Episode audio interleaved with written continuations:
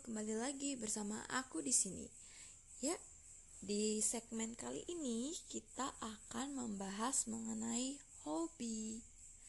Oh ya, ngomong-ngomong mengenai segmen dongengnya itu aku tunda dulu ya karena aku masih dalam proses pengerjaan. Jadi tidak bisa aku upload dengan segera seperti itu mungkin sekitar minggu depan atau dua minggu lagi.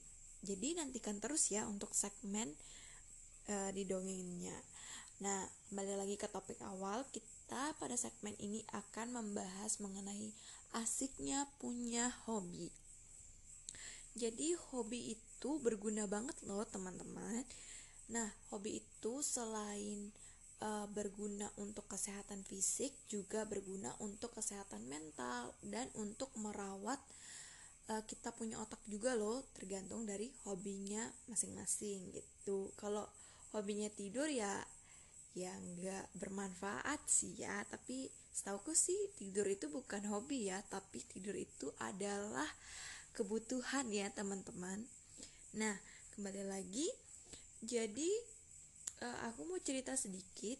Dari kecil aku itu uh, punya hobi yang sangat-sangat aku sukai tapi sayangnya sekarang aku tidak pernah melakukannya lagi.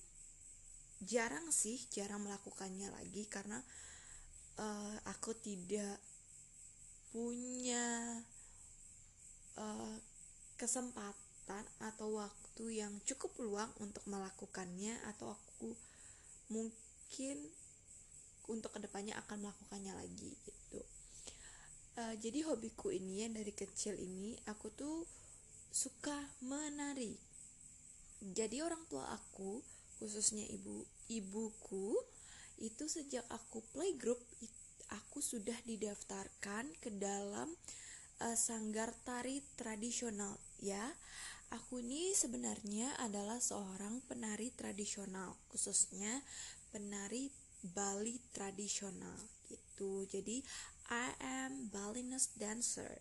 Oke. Okay? Sorry kalau bahasa Inggrisku agak nggak bagus ya, teman-teman. Oke. Okay? Jadi dari kecil itu dari playgroup itu aku udah didaftarin sanggar tari di dekat rumah sama ibu aku. Dulu sih awalnya pas pertama kali aku uh, ikut belajar nari itu aku nggak kebayang aku bakalan sesuka itu sama nari tuh jadi hobi menariku itu ternyata memiliki banyak manfaat loh salah satu manfaat menari itu aku baru tahu bahwa menari itu berfungsi untuk membantu menjaga fungsi kognitif loh teman-teman. Ya gimana sih caranya dia? Kok bisa ya hobi menari itu menjaga fungsi kognitif? Ternyata fungsi kognitif yang dijaga dengan kita belajar menari itu akan meningkatkan volume yang namanya hipokampus yaitu otak yang menyimpan memori. Jadi di dalam bagian otak kita itu ada yang disebut sebagai hipokampus yaitu bagian dari sistem limbik otak besar yang berbentuk menyerupai kuda laut dan memiliki tiga lapisan yang terbuat dari sel-sel piramidal. Hipokampus sendiri terletak pada lobus temporal dengan dekat pusat otak. Nah, hipokampus ini berfungsi untuk satu mengolah dan menyimpan memori spesial, kedua menguatkan memori, Ketiga, mengolah dan mengirim memori. Empat, mendukung kemampuan perilaku. Jadi dengan kita melakukan menari, dengan aku melakukan hobi menariku, ternyata secara nggak sadar aku itu sudah membantu untuk menjaga dan meningkatkan volume hipokampus aku itu. Gitu. Ternyata hobiku itu sangat bermanfaat ya. Nah, uh, selanjutnya aku itu juga punya hobi nih selain menari itu aku emang dari kecil tapi ini dari SD sih aku baru bisa menggambar dengan cukup bagus. Jadi dulu waktu TK aku sempat sempat ikut lomba mewarnai tapi gambarku nggak bagus-bagus banget mewarnaiku juga nggak bagus-bagus banget tapi aku suka gitu dari TK cuman pas SD itu udah ya lumayan lah kalau menggambar itu ada bentuknya. Dan sekarang itu tetap nggak bagus-bagus banget cuman aku suka aja gitu ngegambar dan ternyata hobi ngegambar aku itu loh membawa manfaat itu ada ada beberapa manfaatnya yang aku temukan berdasarkan hasil survei aku melalui Google. Yang pertama itu dapat melatih kecerdasan motorik, membangun analisis visual. Terus yang ketiga, sebagai media berekspresi, meningkatkan memori, membangun konsentrasi, dan mengatasi gangguan mental atau trauma. Wow, ternyata hobi-hobiku tuh punya manfaat ya. Aku juga baru sadar gitu loh. Aku kira cuman kayak ya udah sekedar ngerjain supaya nggak gabut supaya eh, nggak uh, stres. Selama ini aku nggak terlalu tahu sih kalau ternyata hobi-hobiku tuh bermanfaat banget gitu loh namun dari semua itu aku punya sedikit cerita nih berkaitan dengan hobi aku itu. Jadi kan uh, aku tuh suka banget ya nari dari kecil. Aku udah sering sanggar terus dari kecil itu pun dari TK itu pun aku tuh sering banget yang namanya ikut mentas.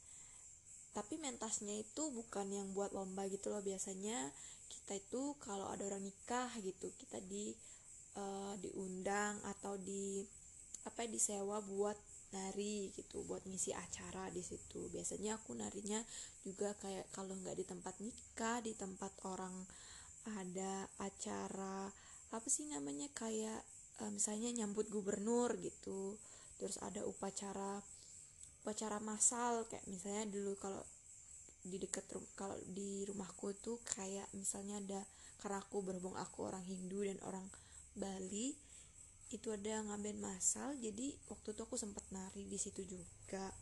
Terus kayak misalnya 17-an itu aku juga biasanya nari di rumah kayak di kampung itu dibikinin panggung di gang untuk nutup jalan buat panggung 17-an. Jadi kita tuh semua warga-warga berpartisipasi di acara 17-an tersebut gitu di malam harinya. Jadi paginya kita lomba misalnya lomba balap karung, lomba kerereng, makan kerupuk yang anak-anak.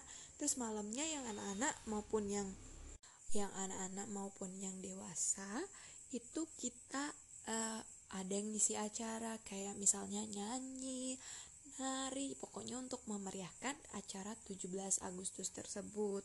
Seperti itu. Jadi sering seperti gitu loh. Aku mentas-mentas seperti itu. Terus kalau kayak perpisahan di sekolah. Nah juga dulu sempet sih ikut lomba nari sekali. Waktu itu TK masih TK juga. Itu ikut lomba nari dapet ya bersyukurnya dapet juara satu dulu.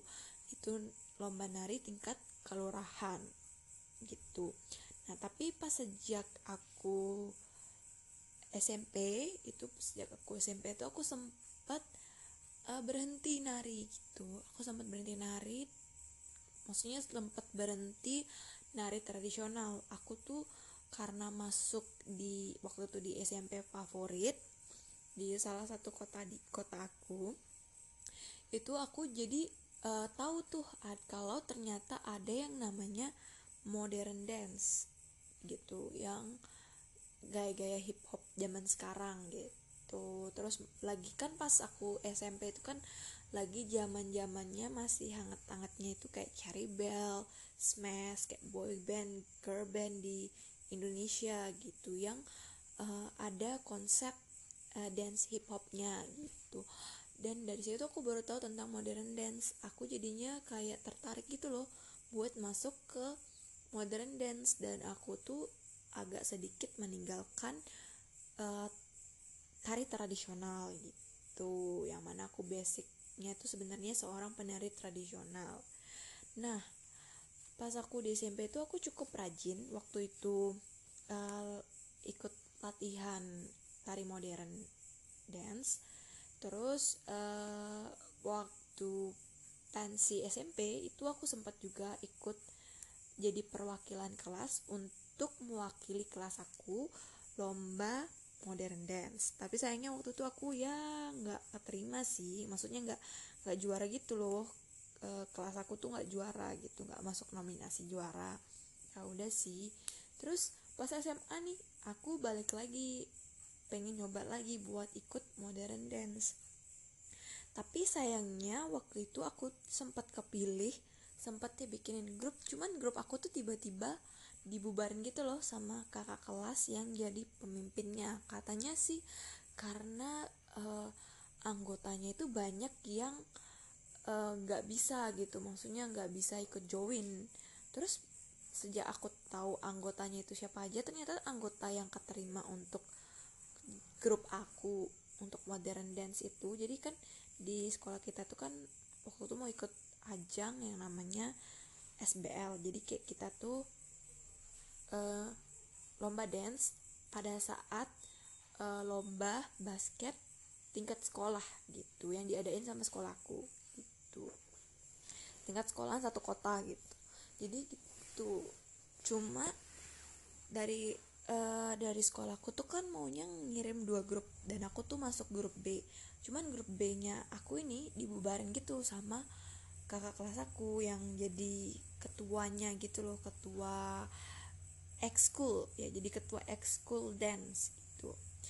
Terus kayak dibubarin gitu ternyata yang di grup B itu aku baru tahu kan kalau itu ternyata banyak kan teman-teman yang aku kenal gitu teman-teman yang deket gitu sama aku di ekskul dance itu. Dan emang kita rata-rata maksudnya aku dan beberapa teman aku yang aku kenal itu emang kita agak lemah gitu. Kita nggak terlalu bagus dance-nya dari segi dance kita nggak terlalu bagus dari segi fisik maksudnya dari segi ya face body itu kita emang kurang. Maksudnya nggak semenarik teman-teman yang ada di kelompok A gitu.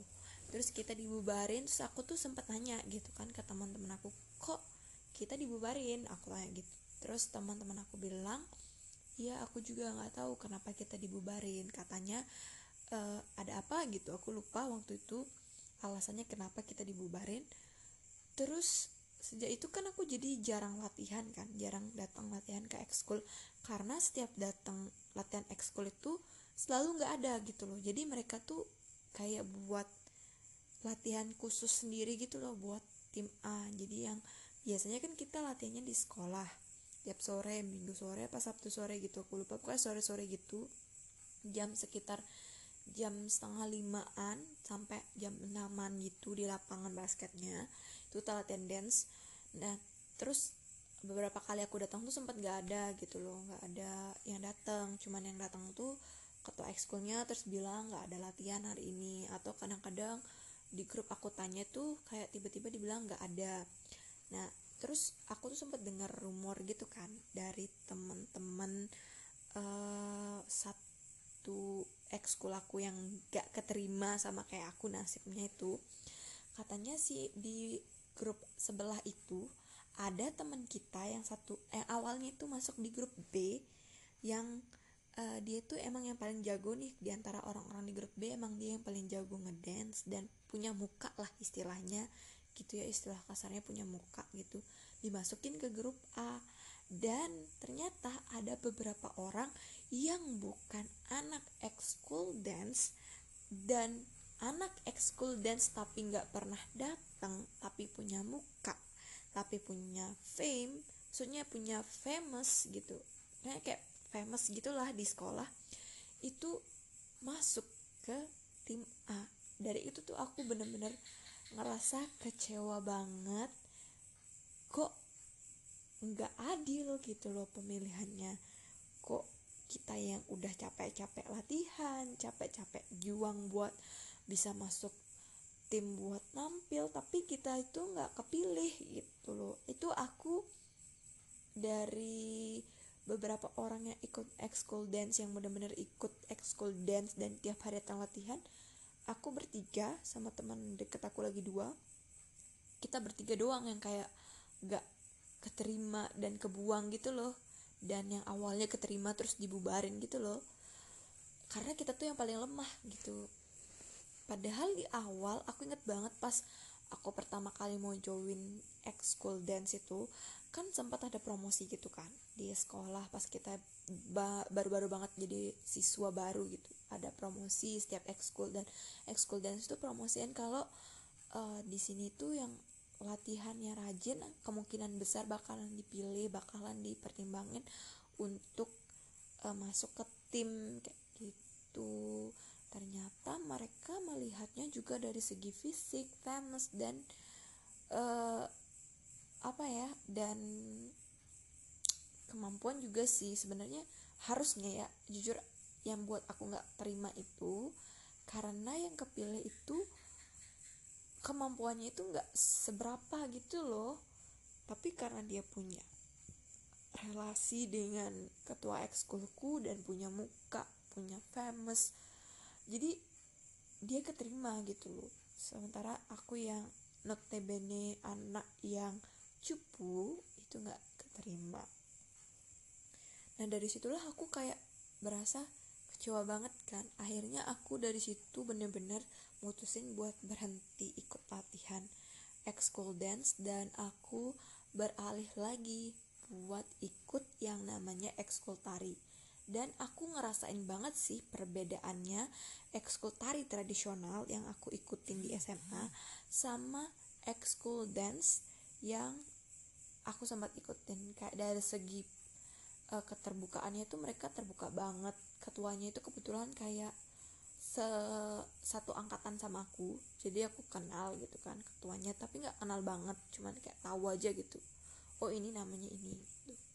dan dia tuh baik banget gitu loh. Dia tahu kita nggak terlalu bisa misalkan nih. Oke aku memang sih di ekskul tari tradisional aku emang bisa dibilang cukup jago gitu. Cuman aku ngelihat banget sih ada beberapa teman yang nggak terlalu begitu jago itu bener-bener diajarin sampai bener-bener bisa sama si ketuanya itu. Terus bahkan untuk ngisi acara di dinas kebudayaan dan pendidikan yang deket sekolahku yang di samping sekolahku tuh pun itu dia milihnya pure rolling gitu loh. Jadi kayak yang udah pernah nampil untuk nampil berikutnya nggak dipilih lagi. Jadi aku waktu itu kesempatan nampil sekali itu sama beberapa teman dan ada dua satu dua orang di antaranya tuh emang agak kurang sih dalam performancenya.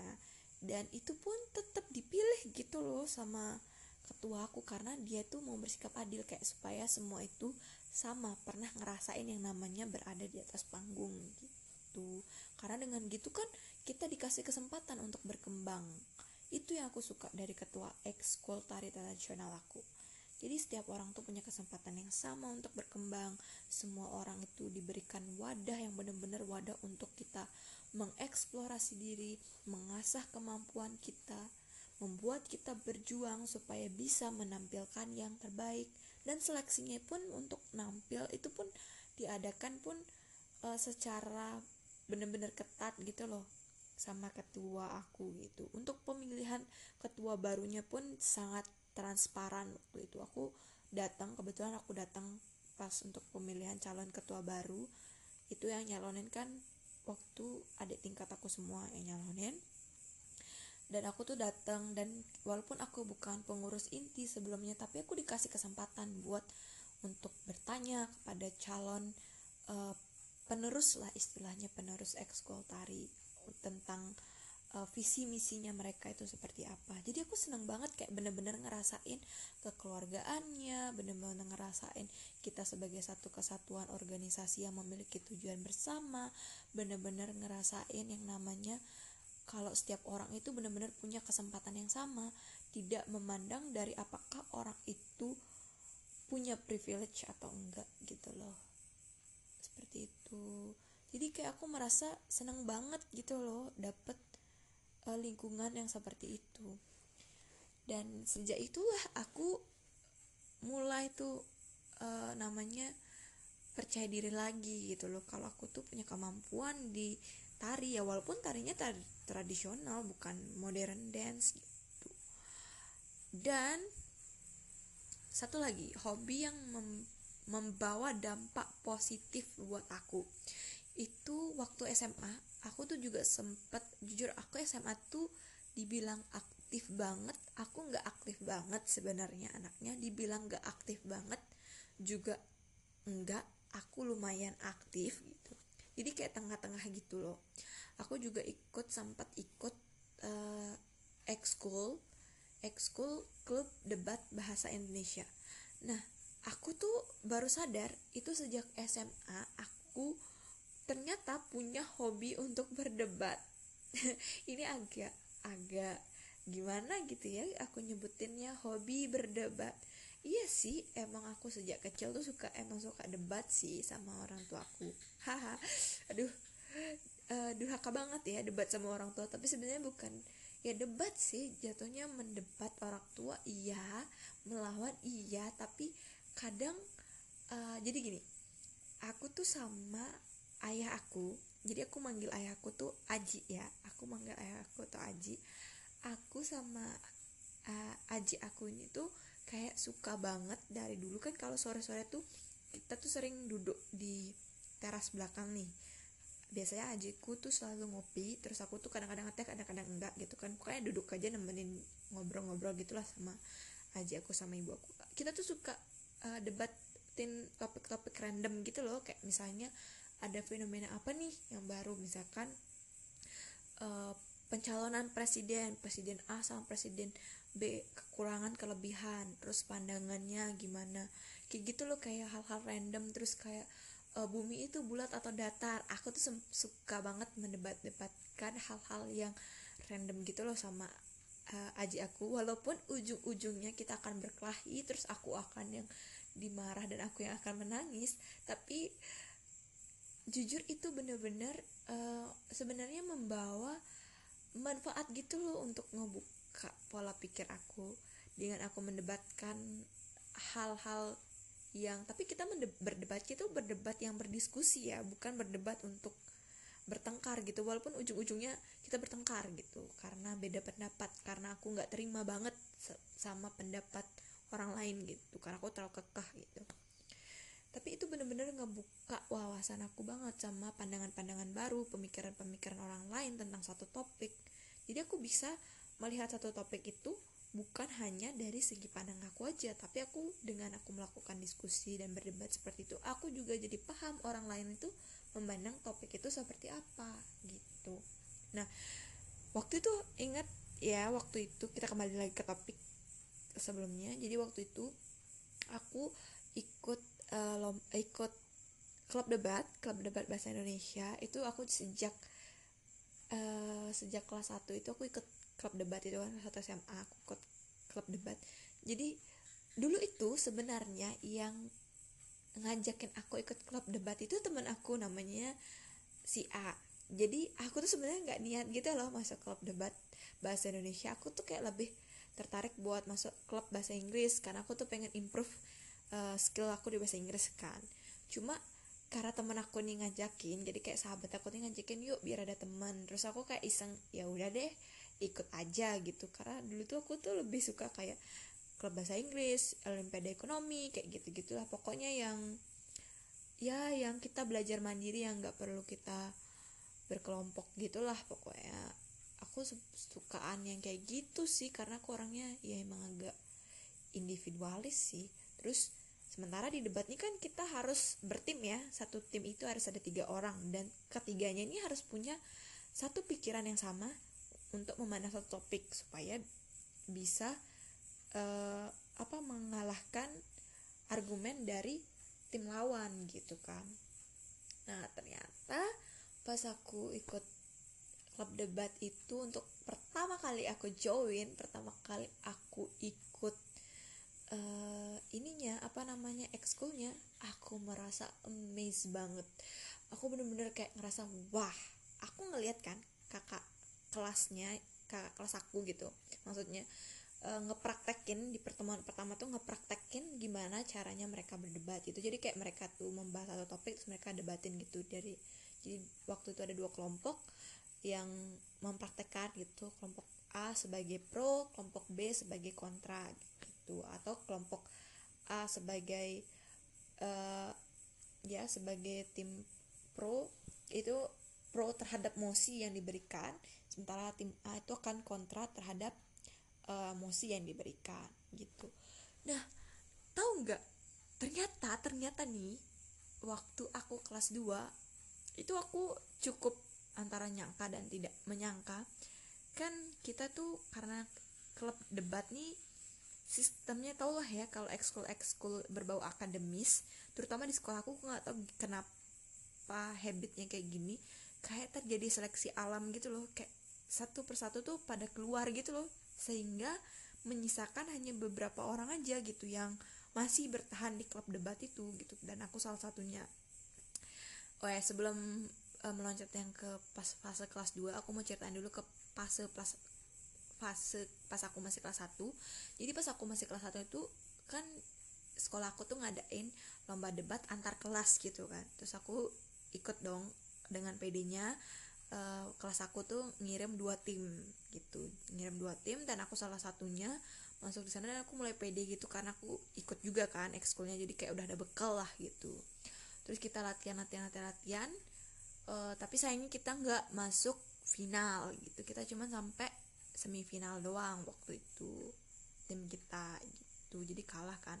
Terus uh, abis itu pas kelas 2 itu pas aku jadi pengurus atau kebetulan aku jadi jadi bendahara waktu itu aku lupa antara bendahara pas sekretaris aku lupa. Pokoknya antara dua itu deh aku jadi itu pas kelas eh kayaknya bendahara deh. Iya deh kayaknya aku bendahara deh. Kalau nggak salah sih aku bendahara ya waktu itu karena aku sempet berurusan tentang pencairan uang uang ekskul gitu ke TU kalau nggak salah sih ya aku bendahara. Itu aku uh, jadi pengurus kan jadi bendahara klub debat. Terus aku udah punya adik tingkat nih yang aku bakal ajarin buat tentang debatnya itu kayak gimana.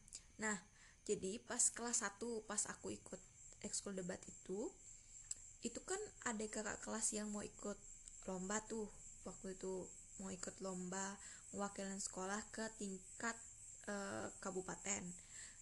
Nah itu aku sempat disuruh nih sama pembina debatnya ya walaupun kamu nggak kepilih nih jadi uh, jadi tim tim utama cuma jadi cadangan doang ikut aja uh, ini apa namanya bimbingannya. Dan aku tuh ikutin semua bimbingannya jadi aku dispen ya dispen aku sering banget dispen jadi waktu itu hampir setiap hari aku dispen di pelajaran antara pelajaran awal atau pelajaran akhir itu aku sering dispen uh, buat ikut pelatihan gitu pelatihan debat. Dan lumayan juga sih dapat uang ya dapat sekali pelatihan tuh kita dapat 15 ribu 20 ribu kayak itu dapat jajan dapat makan kayak lumayan ya menghemat uang jajan gitu kan.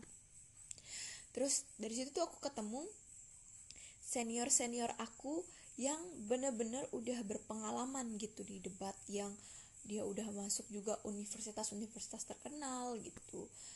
Dan bener-bener di situ tuh ketika aku ngomong sama senior senior aku yang udah bener-bener expert banget di bidang uh, debat gitu bener-bener ngebuka wawasan aku. Jadi untuk satu mosi satu mosi yang diberikan jadi kita kan setiap latihan tuh pasti ada bahas beberapa mosi gitu. Kayak misalnya topik kemarin tuh yang paling hot isu banget waktu aku kelas 1 SMA itu ikut pelatihan debatnya itu buat persiapan lomba itu itu hot pasti hot isunya tuh tentang uh, korupsi eh koruptor di, dihukum mati sama tentang impor daging sapi. Jadi itu tuh bener-bener ngebuka wawasan aku tentang oh kita itu nggak cuman berdebat ngasih argumen pribadi kita aja kalau kita tuh setuju apa enggak sama sama statement tentang koruptor uh, dihukum hukum harus dihukum mati. Ternyata harus dilandasi. Dasar kita tuh berbicara saat berdebat tuh ternyata harus dilandasi dengan dasar hukum data-data terus alasan yang uh, alasan yang sesuai dengan fakta di lapangan terus argumen kita juga yang harus uh, relevan dengan uh, apa namanya kondisi yang saat itu tengah terjadi. Terus selain itu kita selain kita berargumen juga kita harus memberikan solusi untuk uh, setiap permasalahan atau setiap mosi yang dia angkat itu gitu. Jadi kayak harus terstruktur gitu loh.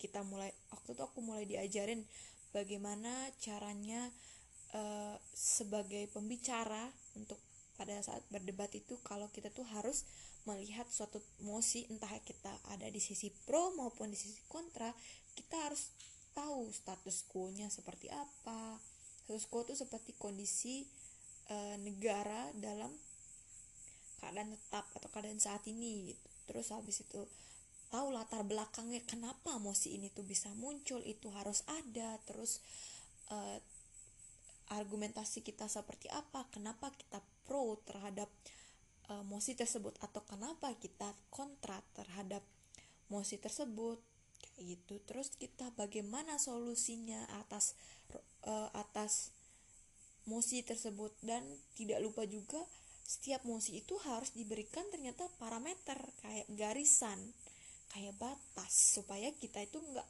ngomongnya ke mana-mana gitu terus dasar hukumnya seperti apa? Data-data tentang emosi itu seperti apa? Dan kita tuh harus melakukan yang namanya riset.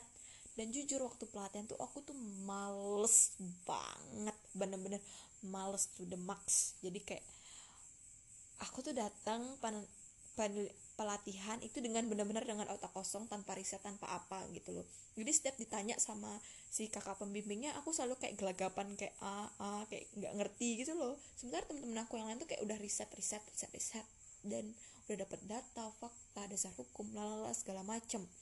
Dan sementara aku kayak oh gitu ya kayak oh oh oh oh oh cuman oh ber oh doang gitu.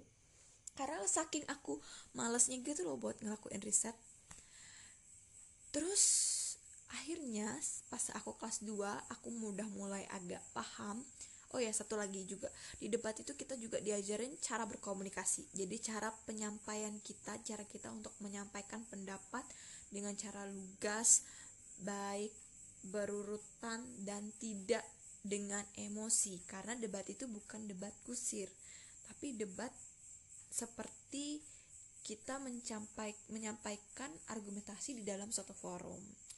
Tuh yang gimana ya um, menyampaikan pendapat dalam suatu lingkungan yang lebih formal gitulah istilahnya orang berdebat itu kayak gitu.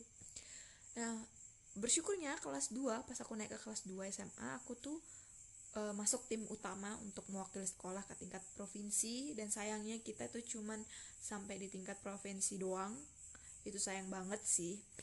Jadi gitu.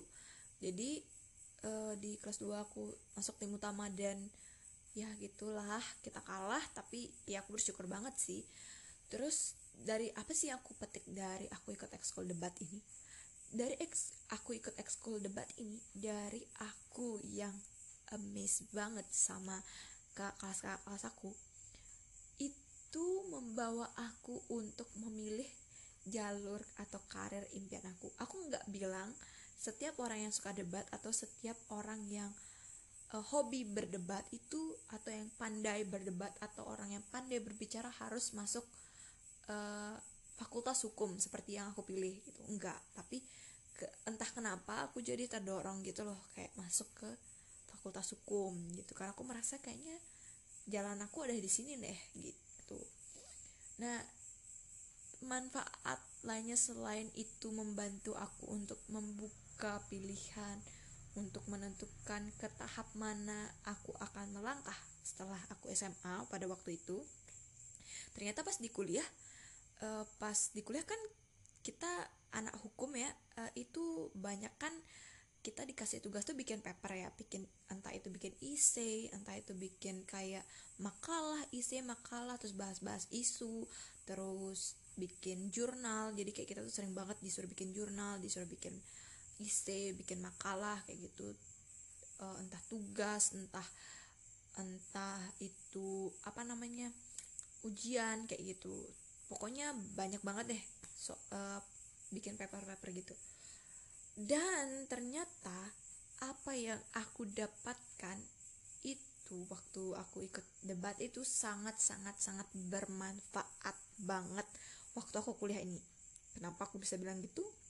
Karena pertama dengan aku ikut berdebat itu aku jadi tahu kalau kalau saat aku mau nulis suatu karya tulis ilmiah aku selalu uh, terstruktur gitu loh. Beda banget sama teman-teman aku. Jujur bukan aku mau menyombongkan diri tapi kalau aku membandingkan diri aku sama teman kuliah aku yang lain kita punya pola pikir dalam mem memandang satu isu itu beda banget gitu. Kayak aku tuh lebih terstruktur gitu. Kayak ini latar belakangnya apa terus status quo-nya itu seperti apa parameternya seperti apa terus baru nyampe ke perumusan masalahnya seperti apa tujuan tujuan penelitiannya seperti apa baru ke pembahasan baru kesimpulan kayak gitu. Sementara teman-teman aku tuh kayak eh, kadang buat latar belakang itu main core latang kayak apa ya uh, inti kenapa masalah in, permasalahan itu bisa muncul tuh nggak kelihatan gitu di latar belakangnya. Sementara kalau aku tuh nulis sesuatu tuh pasti aku selalu memunculkan gitu. Alasan kenapa la, isu yang aku angkat itu bisa ada gitu bisa muncul gitu. Itu sih yang perlu dalam kita menulis suatu karya tulis ilmiah gitu. Karena penting banget sih ternyata untuk kuliah. Sebenarnya itu bisa diterapkan bukan hanya untuk di jurusan aku aja tapi di jurusan-jurusan lain aku rasa juga bisa diterapkan. Karena itu benar-benar memba jujur membantu aku banget dalam memandang satu isu. Misalkan aku lagi berdiskusi nih sama teman aku pasti aku berdiskusinya tuh aku memandang itu secara struk terstruktur dulu kayak latar belakangnya isu ini kenapa sih bisa ada? Terus kenapa sih uh, status quo-nya itu seperti apa terus parameternya itu batasan yang sedang kita bicarakannya harus seperti apa terus aku melihat opini dari kedua sisi seperti apa terus baru aku bisa menyimpulkan oh ternyata seperti ini loh permasalahannya gitu. Jadi kayak aku punya lebih punya pola pikir yang runut gitu. Tidak yang acak gitu. Jadi aku merasain bang ngerasain banget sih manfaatnya dari aku ikut uh, debat bahasa Indonesia itu gitu. Ternyata ya punya hobi itu cukup menyenangkan ya dan banyak banget membantu gitu. Dan aku juga terbantu banget sih sejak aku ikut klub debat bahasa Indonesia itu aku jadi punya skill komunikasi yang cukup bagus gitu. Setiap kali aku presentasi uh, di depan kelas tuh aku kayak pede aja gitu bawain presentasinya entah aku udah belajar atau belum sebelumnya entah aku udah riset atau belum sebelumnya. Itu aku punya kepercayaan diri gitu untuk uh, berkomunikasi di muka umum. Terus ketika juga di kelas sedang berdiskusi aku juga jadi tidak ragu lagi untuk uh, mengutarakan opini aku gitu. Cuma cuma belakangan ini sayangnya karena aku udah jarang banget ya namanya berdiskusi. Jadi dulu tuh pas uh, abis SMA kan karena udah nggak ada ekskul debat gitu lagi kan waktu kuliah. Kan karena waktu kuliah itu cuman ada ekskul peradilan semu doang kan. Aku sempat join juga sih ekskul peradilan semu. Cuman eh, peradilan semu itu kan lebih fokusnya itu membahas kasus dan memperagakan mem, aku sukanya itu tahap membahas kasusnya sih waktu di ekskul peradilan semu karena kita kan berdiskusi ya. Dan sistem berdiskusinya juga seperti uh, kita maksudnya sistem berdiskusi itu maksudku pola pikir berdiskusinya tuh sama kayak waktu aku pas uh, di debat klub debat bahasa Indonesia waktu SMA gitu loh. Jadi kan dulu waktu klub debat bahasa Indonesia itu kan setiap pelatihan sama kakak tingkat aku kan kakak-kakak seniornya itu kan kita tuh ngebahasnya tuh ngebahas isunya dulu baru kita praktekin debatnya. Jadi kita diskusiin dulu nih satu meja nah jadi sama juga kayak waktu perjalanan semu kita bahas dulu juga kasus itu satu meja diskusiin tiap orang bisa mengutarakan argumentasinya secara bebas terus baru dibuat berkas persidangannya. Cuman kan kalau peradilan semu tuh kita lebih fokus ke berkas yang terformat sama membuat alur cerita untuk peradilan semuanya untuk mempraktekkan e, bagaimana sih alur dalam persidangan itu gitu kan. Jadi kayak wak untuk berdiskusi kasusnya pun nggak nggak begitu lama gitu loh. Kayak aku ngerasain sih waktu aku sempat masuk uh, klub itu kayak gitu sih nggak nggak cukup nggak cukup lama gitu. Syukurnya waktu itu pas aku ikut uh, ikut uh, peradilan semu itu uh, syukurnya aku tuh berkesempatan ikut masuk sebagai salah satu tim delegasi untuk perwakilan kuliah untuk maju di Piala Mahkamah Agung. Tapi sayangnya waktu itu aku berhenti di tengah jalan karena aku terlalu stres untuk membuat uh, berkas berformat. Jadi ini sih yang yang menjadi kendala aku sebenarnya. Aku tuh tipikal orang yang lebih suka membuat sesuatu itu dengan gaya aku sendiri gimana ya? Aku tuh su kurang suka membuat sesuatu tulisan membuat sesuatu itu yang sudah terformat gitu loh.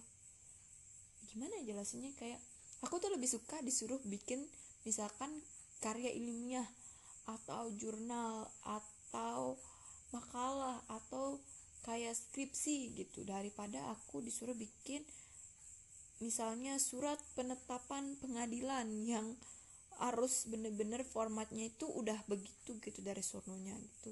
Kayak jadi kurang bebas kita untuk membuat sesuatu atau membuat misalkan itu kan ada BAP ya yang waktu itu aku dapat bagian buat BAP misalkan BAP-nya si siapa ya namanya aduh BAP-nya salah satu terdakwa lah itu istilahnya. Waktu itu aku sempat megang salah satu bikin BAP-nya salah satu terdakwa. Itu kan uh, format pertanyaannya itu kan kita tuh ngelihat dari maksudnya mencontoh dari contoh contoh-contoh BAP berkas-berkas persidangan gitu loh di berkas-berkas persidangannya asli gitu loh. Jadi kayak kayak ya sudah seperti itu gitu loh. Kayak menurutku cukup membosankan sih karena kita lebih sedikit waktunya untuk diskusi kasusnya lebih banyak kita untuk di membuat berkasnya dan apa ya dan memprak dan praktek peradilannya gitu loh. Yang monoton menurut aku kan praktek pengadilan itu juga kayak terlalu kaku gitu terlalu monoton seperti itu itu aja gitu. Kayak kurang serak aja sih sama waktu itu. Kebetulan aku juga kenapa aku keluar kebetulan tuh karena aku sebenarnya tuh sakit. Jadi aku sempet sakit. Dan ada masalah juga sih waktu itu. Gitu. Nah selanjutnya yang berkaitan dengan itu aku juga punya satu hobi yang bener-bener ngebantu aku banget ngebuka wawasan aku banget aku suka yang namanya nulis.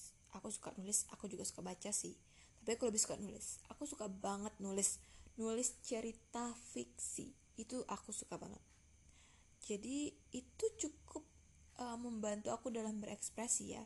Jadi kayak cukup untuk membantu aku untuk mengeluarkan uh, stres-stres di dalam pikiran aku. Jadi dengan aku menulis itu juga membantu aku untuk uh, lebih meningkatkan kemampuan aku dalam mengolah bahasa dengan menggunakan apa dengan me, apa sih dengan memilih kata-kata atau kalimat-kalimat yang sesuai gitu. Tahu kapan menggunakan kalimat ini misalkan kalimat A sebaiknya digunakan ketika kita untuk menulis karya yang, yang bersifat lebih formal. Kalau karya yang bersifat lebih informal seperti yang santai gitu seperti berita santai atau untuk karya-karya fiksi. Oh kalimatnya seperti ini yang cocok. Untuk karya-karya ilmiah kalimatnya seperti ini yang cocok. Seperti itu. Itu jadi bermanfaat banget sih buat aku dengan aku menulis. Dan itu juga pun uh, mengembangkan uh, tingkat imajinasi aku gitu loh. Jadi aku bisa membayangkan atau menggambarkan atau menuangkan lah istilahnya sesuatu yang ada di kepala aku dalam bentuk tulisan gitu. Itu tuh bermanfaat sih. Terus membaca aku juga suka banget baca buku. Aku banyak banget punya nggak banyak banyak banget sih tapi lumayan lah punya koleksi novel. Uh, buku-buku non fiksi juga ada. Itu membantu aku banget buat buka dunia lebih luas lagi gitu loh. Sejauh ini sih uh, itu hobi-hobi yang bener-bener aku suka banget. Dan baru-baru ini aku juga suka olahraga ya. Kayak olahraga kayak yang workout gitu. Kayak misalnya ngelakuin push up plank kayak workout home workout gitu.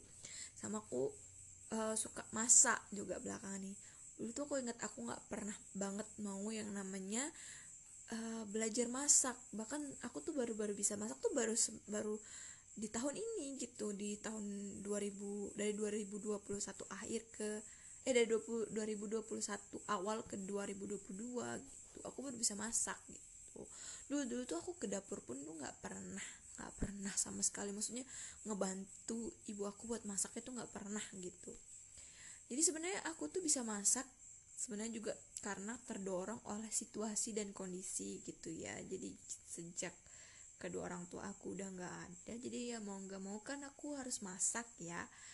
Nah karena itu itulah aku jadi masak belajar masak akhirnya eh bisa dan enak gitu. Terus kayak jadi kecetus ide gitu loh buat bikin bisnis.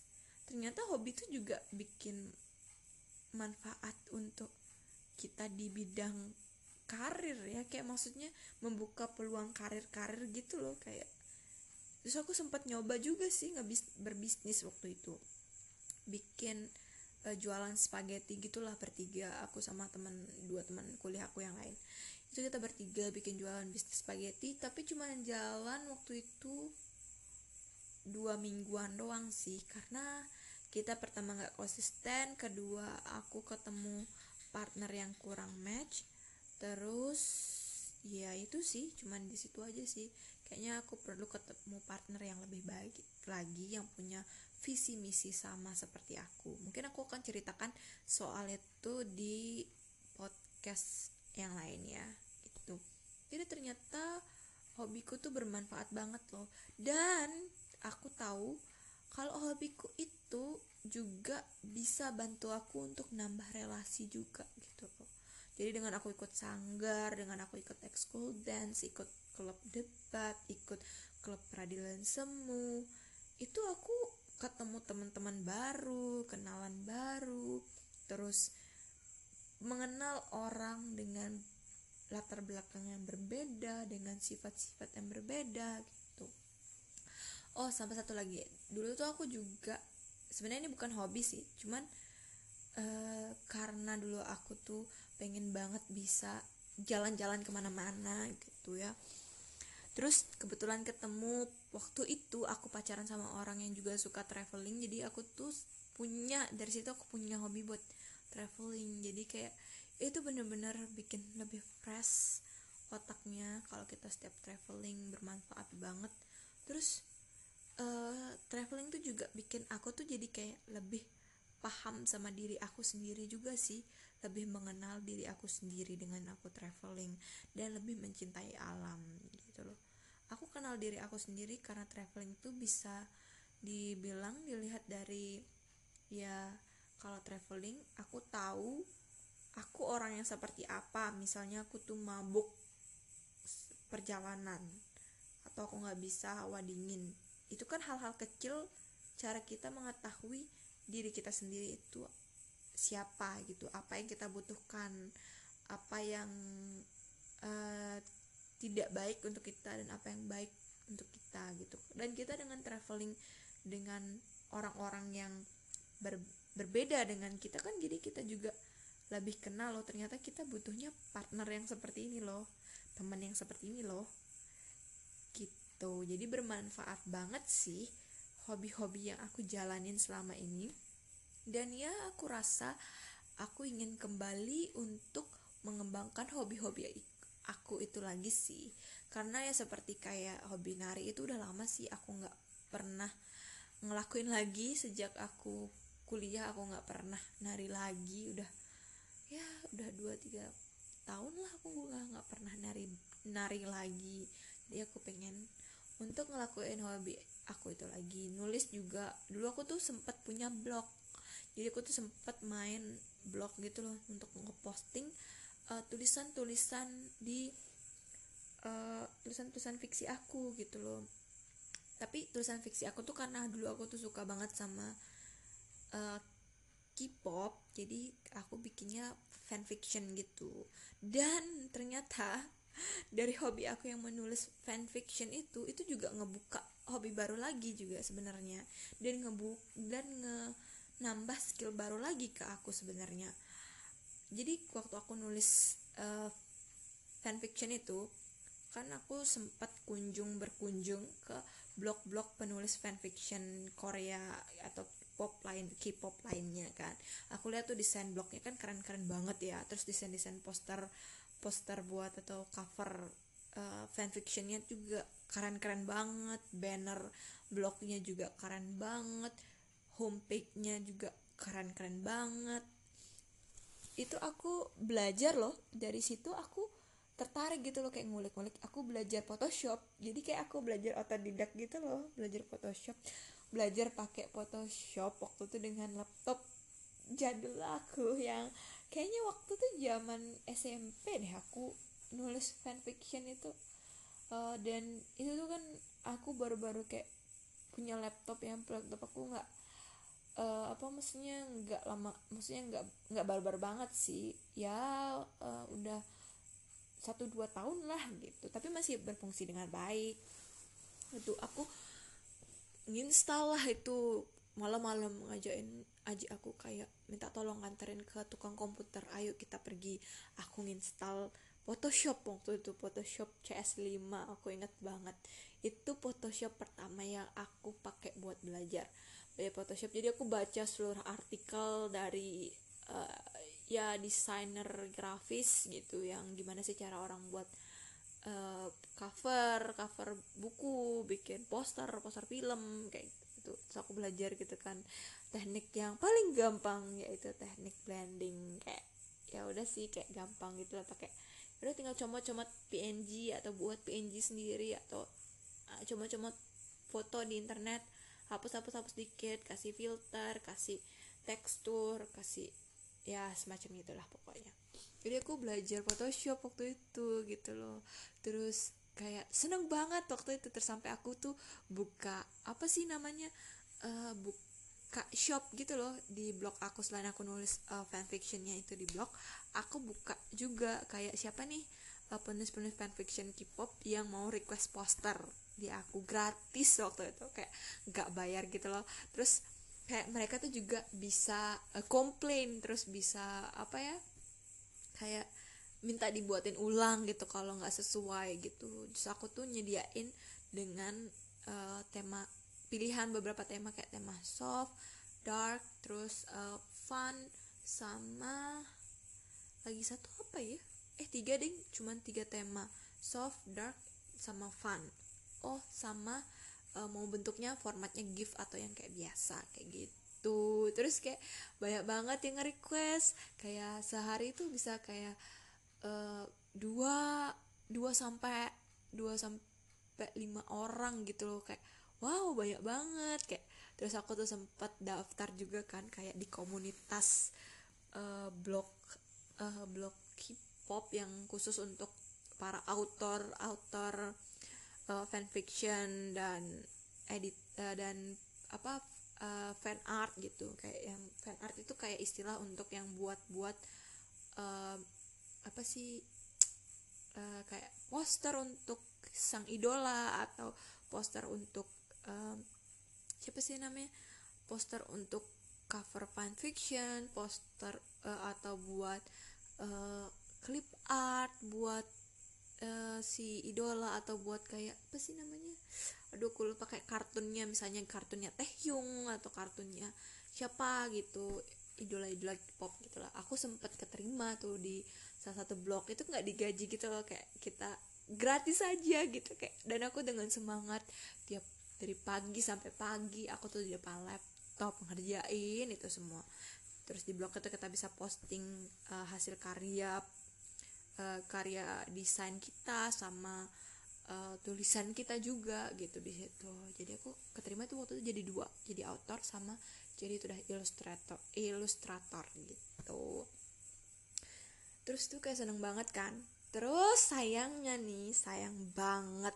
Sayang banget banget banget. Waktu itu karena aku terlalu kecanduan dengan itu dengan hobiku itu. Akhirnya waktu itu uh, ajiku tuh sempat marah. Terus uh, eh, HP aku dibanting dan aku nggak punya akses komunikasi. Emang sih masih ada laptop yang masih bisa aku pakai buat uh, nulis sama bikin ilustrasi cuma cuma cuma cuman cuman waktu itu aku juga dapat ancaman dari orang tua kalau aku masih nggak mau dengerin mereka dan terlalu fokus sama hobi aku itu. Ah, laptop aku tuh bakalan dibanting juga. Jadi aku kayak ya udah deh aku kayak mundur dari dunia perkipopan dan dengan mundurnya aku dari dunia perkipopan juga membuat aku benar-benar mundur dari dunia tulis menulis dan desain mendesain. Coba ya aku tahu kalau dunia blog itu bakalan se canggih maksudnya se, se berbenefit seperti sekarang terus se, dunia perdesainan itu akan bener-bener dibutuhkan banget bisa kita bisa jadi freelancer bisa jadi ini itu segala macam mungkin pada saat itu aku bakal bertahan di uh, di dunia itu tidak peduli dengan ancaman orang tua dan terus mengupgrade mengupgrade skill. Tapi ya nggak tahu sih kenapa aku bodoh banget ya tuh zaman itu. Aku kayak putus asa langsung putus asa gitu loh. Kayak ya udah aku stop semuanya itu sampai aku SMA tuh aku bener-bener gak nyentuh sama sekali namanya. Perkipopan tulis menulis desain mendesain oh iya sama dulu tuh aku waktu SMP tuh sempat juga pakai Corel Draw. Jadi aku tuh sempat pakai Corel Draw itu karena tugas sekolah sih selain itu selain tugas sekolah aku kasih Corel Draw buat desain baju gitu loh aku sempat desain baju oh iya mungkin ceritanya akan kita sambung ke part 2 sampai ketemu lagi Halo, kembali lagi bersama aku di sini. Oke, ini part 2-nya. Jadi kemarin kan sempat terpotong ya, cuman sampai uh, tentang yang aku stop tuh dari hobi tulis menulis aku dan mendesain aku.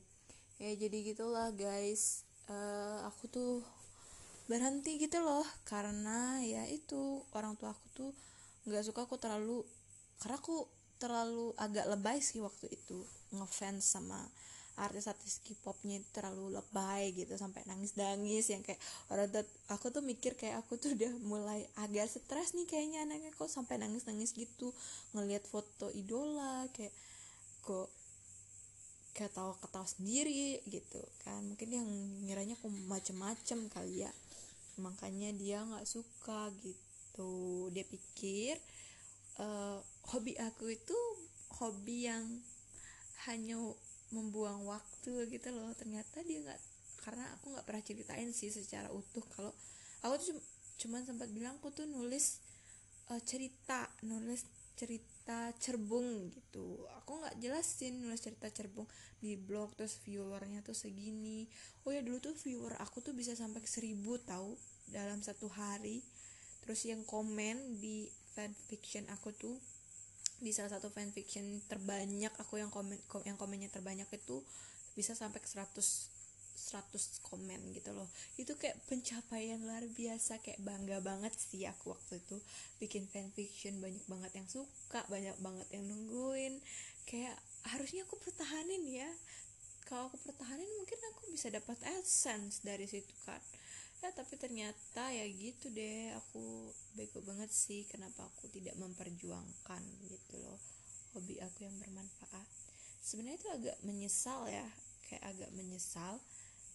Itu hobi kalau aku terusin dan kalau aku terusin skill menulis aku mungkin bisa jadi novel ya bisa jadi novel blog aku bisa dapat adsense aku bisa jadi uh, bisa apa namanya upgrade upgrade sorry upgrade skill Photoshop aku ke tingkat yang selanjutnya. Bisa jadi desainer grafis terus bisa belajar. Oh ya dulu tuh sempet aku hampir mau belajar tentang pemrograman itu loh bikin bikin uh, uh, website itu kayak gimana sih gitu coding coding gitu. Cuman karena waktu itu aku nggak sempet punya waktu kayak nggak ada punya waktu jadi aku nggak dan itu terlalu ribet gitu aku nggak sempat belajar. Mungkin kalau dulu tuh aku tetap pertahanan dan aku tetap tertarik gitu ya sama untuk mempelajari lebih. Lanjut mungkin aku bisa jadi desainer web mungkin. Ya mungkin banyak sih kayak wow aku menyesal sih agak-agak menyesal gitu loh. Terus aku juga uh, sedikit menyesal juga dulu kenapa waktu SMP itu di satu sisi aku juga uh, sempat vakum di dunia tari eh ya tari tari tradisional. Coba waktu SMP aku lanjut tari tradisional gitu kan pasti aku sempat ikut pementasan gitu yang ke ke ranah nasional gitu loh kejuaraan-kejuaraan nasional mungkin waktu itu. Ya banyak sih sebenarnya aku sesali dari hobi-hobi yang sempat aku tinggalkan gitu ya. Aku suka itu sih suka Photoshop suka nulis terus aku tinggalkan aku suka nari aku tinggalkan. Kayak sayang banget gitu loh. Aku punya bakat gitu loh di situ tapi aku nggak memanfaatkan. Aku punya hobi di situ aku minat banget sama uh, bidang itu gitu. Cuman karena ada sedikit larangan sedikit kontra gitu dari orang tua jadi aku nggak nggak nerusin. Terus aku tuh sempat juga waktu SMA eh enggak ding? Iya ya waktu pokoknya dari SMP ke SMA gitu. Eh enggak deh waktu itu kayaknya SMA waktu aku udah balik lagi ke ekskul tari tradisional itu kan aku sempat cerita tuh di part 1 kalau aku tuh sempat nari di sekolah kan ikut ngwakilin sekolah. Nah aku tuh sempat dilarang gitu kan sama orang tua aku itu untuk ikut pementasan tari gitu. Aku nggak ngerti kenapa ya orang tua aku tuh suka banget ngelarang aku ke hobi-hobi aku gitu loh. Kayak karena mungkin hobi aku tuh nggak dipandang mereka tuh kayak kurang akademis gitu loh. Kayak tari gambar nulis uh, cerbung desain itu kayak dilarang gitu kayak itu besok kamu mau jadi apa? Apa sih kayak gitu. Selalu dibilang kayak kalau kamu mau jadi penulis emang kamu melihat penulis tuh ada yang sukses ya paling satu dua sisanya nggak bisa hidup dari tulisan mereka. Kayak gitu loh selalu dibilang kayak gitu. Terus jadi desainer grafis dibilangnya apa bikin poster? Nggak ada lapangan pekerjaannya. Terus kalau waktu aku pengen jadi waktu aku suka banget nari dia bilang buat apa? Kerja seni itu nggak ada uangnya. Kayak gitu. Terus waktu aku SMA suka banget berdebat kan itu akademis ya akademis banget. Terus aku dibilangnya apa? Tau nggak komentar orang-orang sekitar aku bilang oh gitu ya udah pinter debat berdebat sekarang apa-apa itu berdebat apa-apa itu dilawan orang tua ngasih tahu di debat kayak emang sih aku suka berdebat tapi kadang apa ya aku lakuin itu nggak sebenarnya nggak ada sangkut pautnya sama hobi aku gitu loh sebenarnya. Kayak ya udah aku suka berdebat suka berdebat. Aku ngelawan orang tua yang ngelawan orang tua bukan ada sangkut pautnya sama hobi aku gitu. Terus kadang aku ngerasa aduh kok aku jadi sedih ya cerita tentang hobi.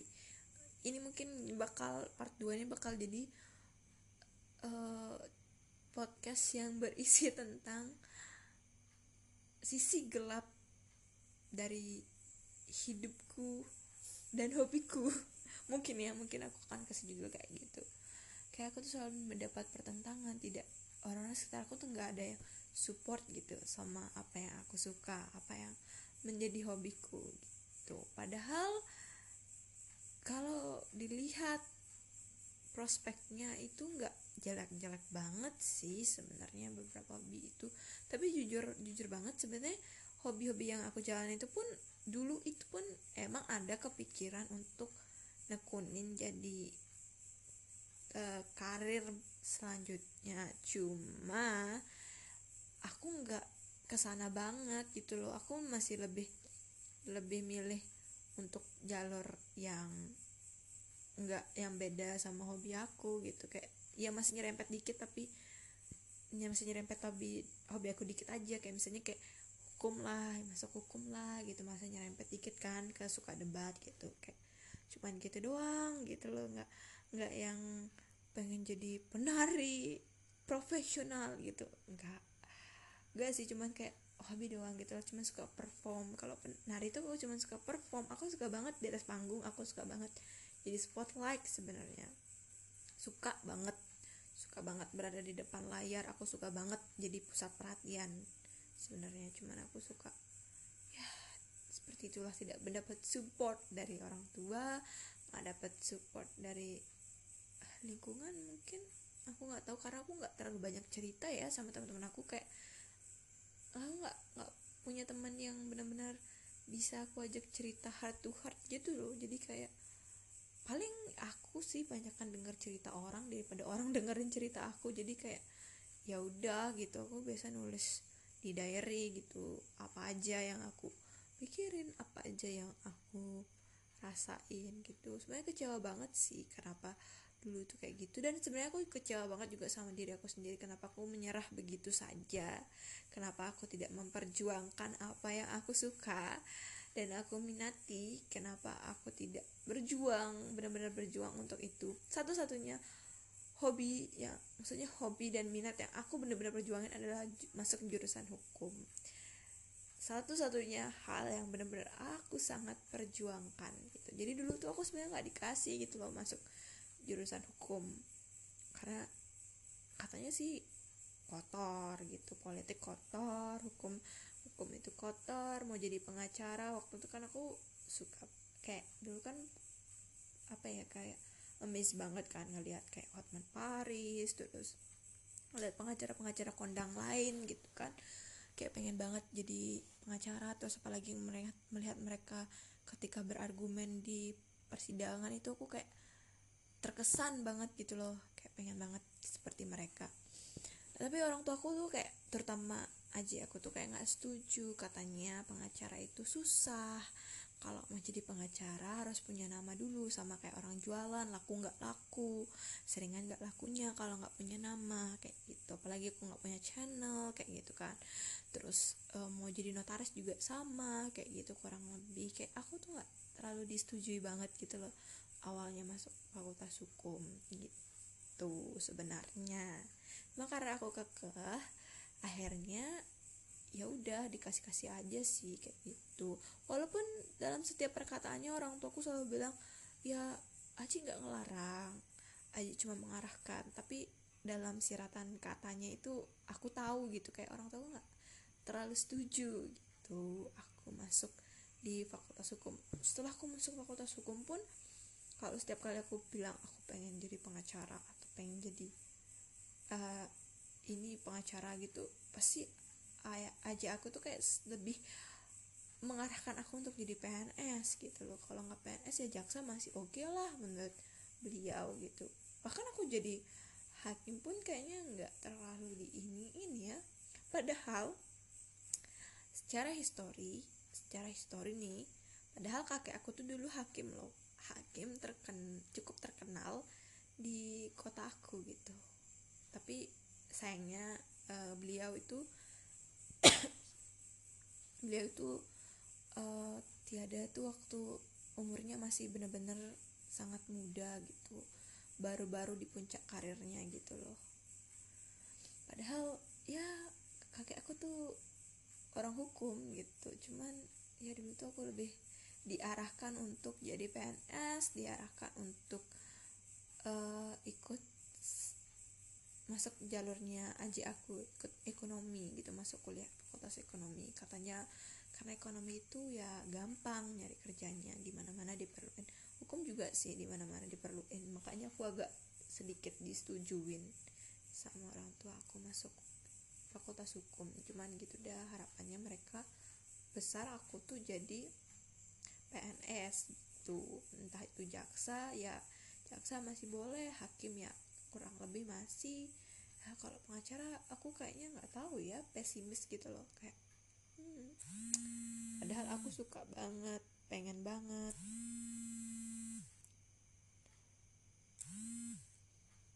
Pengen banget gitu jadi jadi pengacara. Aku tuh uh, sebenarnya karena mungkin orang tua aku tuh kayak nggak cuma lihat uh, pengacara gimana ya aku tuh pengen jadi pengacara itu yang benar-benar uh, pengacara untuk perusahaan gitu loh bukan pengacara di ranah pidana. Aku kayak lebih suka jadi pengacara di ranah perdata gitu loh karena ranah perdata itu menurut aku lebih menarik gitu. Aku emang suka ekonomi suka hukum jadi aku ngambil uh, ranah ngambil fokus konsentrasiku ke hukum perdata gitu karena lebih banyak tentang ekonominya juga kan aku bisnis. Kayak aku suka banget karena uh, tujuan aku tuh untuk jadi pengacara di suatu perusahaan gitu untuk satu perusahaan. Jadi kayak dikontrak jadi pengacaranya suatu perusahaan gitu gitu. Bukan yang untuk menangani kasus-kasus pidana gitu. Aku nggak terlalu begitu serak juga sih menangani kasus-kasus pidana gitu sebenarnya. Nah itu deh cerita aku tentang beberapa hobi aku yang kayak dilarang gitu. Sedih ya sedih banget sih sebenarnya. Beberapa hobi beberapa minat kita dibatasi kayak jadi aku kayak kurang punya ruang untuk berekspresi kurang punya ruang untuk uh, apa ya untuk eksplorasi diri untuk mengembangkan diri. Sebenarnya aku tuh punya banyak banget. Bisa maksudnya bisa bi aku bisa tapi nggak tahu ini berbakat nggak tahu berbakat apa enggak namanya. Tapi aku bisa sebenarnya kayak aku nari bisa menggambar aku bisa. Kayak cuman kurang diasah gitu ya. Nari aku bisa menggambar aku bisa. Main alat musik seperti pianika itu aku bisa. Aku bisa main pianika. Terus mungkin kalau di asa diajarin main uh, piano pianika kayak gitu gitu di di atau alat-alat musik lain mungkin kalau aku ada bakatnya pasti bisa lah gitu. Terus aku bisa desain aku bisa nulis bisa masak. Oh ya dulu tuh waktu kecil tuh aku nggak pernah dikasih selain aku nggak jarang ke dapur karena aku nggak nggak ada minat buat masak aku juga dulu tuh kayak agak dilarang gitu loh buat coba masak waktu SMP SMP karena katanya terlalu kecil masih kecil boleh masak terkena minyak gitu. Sampai karena terlalu sering saking seringnya aku dilarang tuh kayak males gitu loh jadinya. Kebawa sampai SMA kuliah aku malas ke dapur gitu. Karena terlalu sering di larang padahal kan harusnya bisa diajari kayak ini minyak panas. Kalau misalnya mau goreng mau masak hati-hati. Minyaknya bisa meletik bisa kena kulit. Nah kayak kasih aja aku dulu gitu kayak nyobain rasain gimana tapi didampingin gitu loh jangan dilepas langsung sih juga. Kayak maksudnya didampingin rasain gimana rasanya kena minyak percikan minyak kalau waktu goreng kan. Jadi aku tahu tuh rasanya enak apa enggak mau aku terusin apa enggak gitu kan. Sekadar aku tahu tapi kayak hmm, tidak dikasih. Aku juga nggak dikasih banget traveling dulu aku suka banget sebenarnya traveling jalan-jalan ke sana sini. Kalau nggak ada mereka aku nggak boleh uh, traveling sama teman-teman sebaya aku jauh-jauh gitu. baru-baru dikasih sih baru-baru SMA ya. Itu pun cuman ya mentok-mentok sampai pantai yang dekat rumah nggak jauh-jauh banget gitu loh. Kalau mau sampai ikut ikut study tour pun aku nggak dikasih study tour atau sembahyang bersama bersama sekolah yang keluar pulau gitu. Aku nggak dikasih. Uh, itu kan asik ya maksudnya untuk mengakrabkan diri sama teman-teman sebaya kita melatih kita untuk bersosialisasi. Dari situ pun juga aku karena aku orangnya introvert jadi tambah di seperti itu kan jadi aku pakai introvert. Tapi setiap ada acara di rumah setiap ada acara-acara pertemuan aku dituntut untuk harus bisa uh, tersenyum dan bisa bersosialisasi dengan baik. Sementara aku tuh orangnya kikuk karena nggak pernah aku sosialisasi. Gimana mau jadi mau bisa bersosialisasi? Iya nggak sih?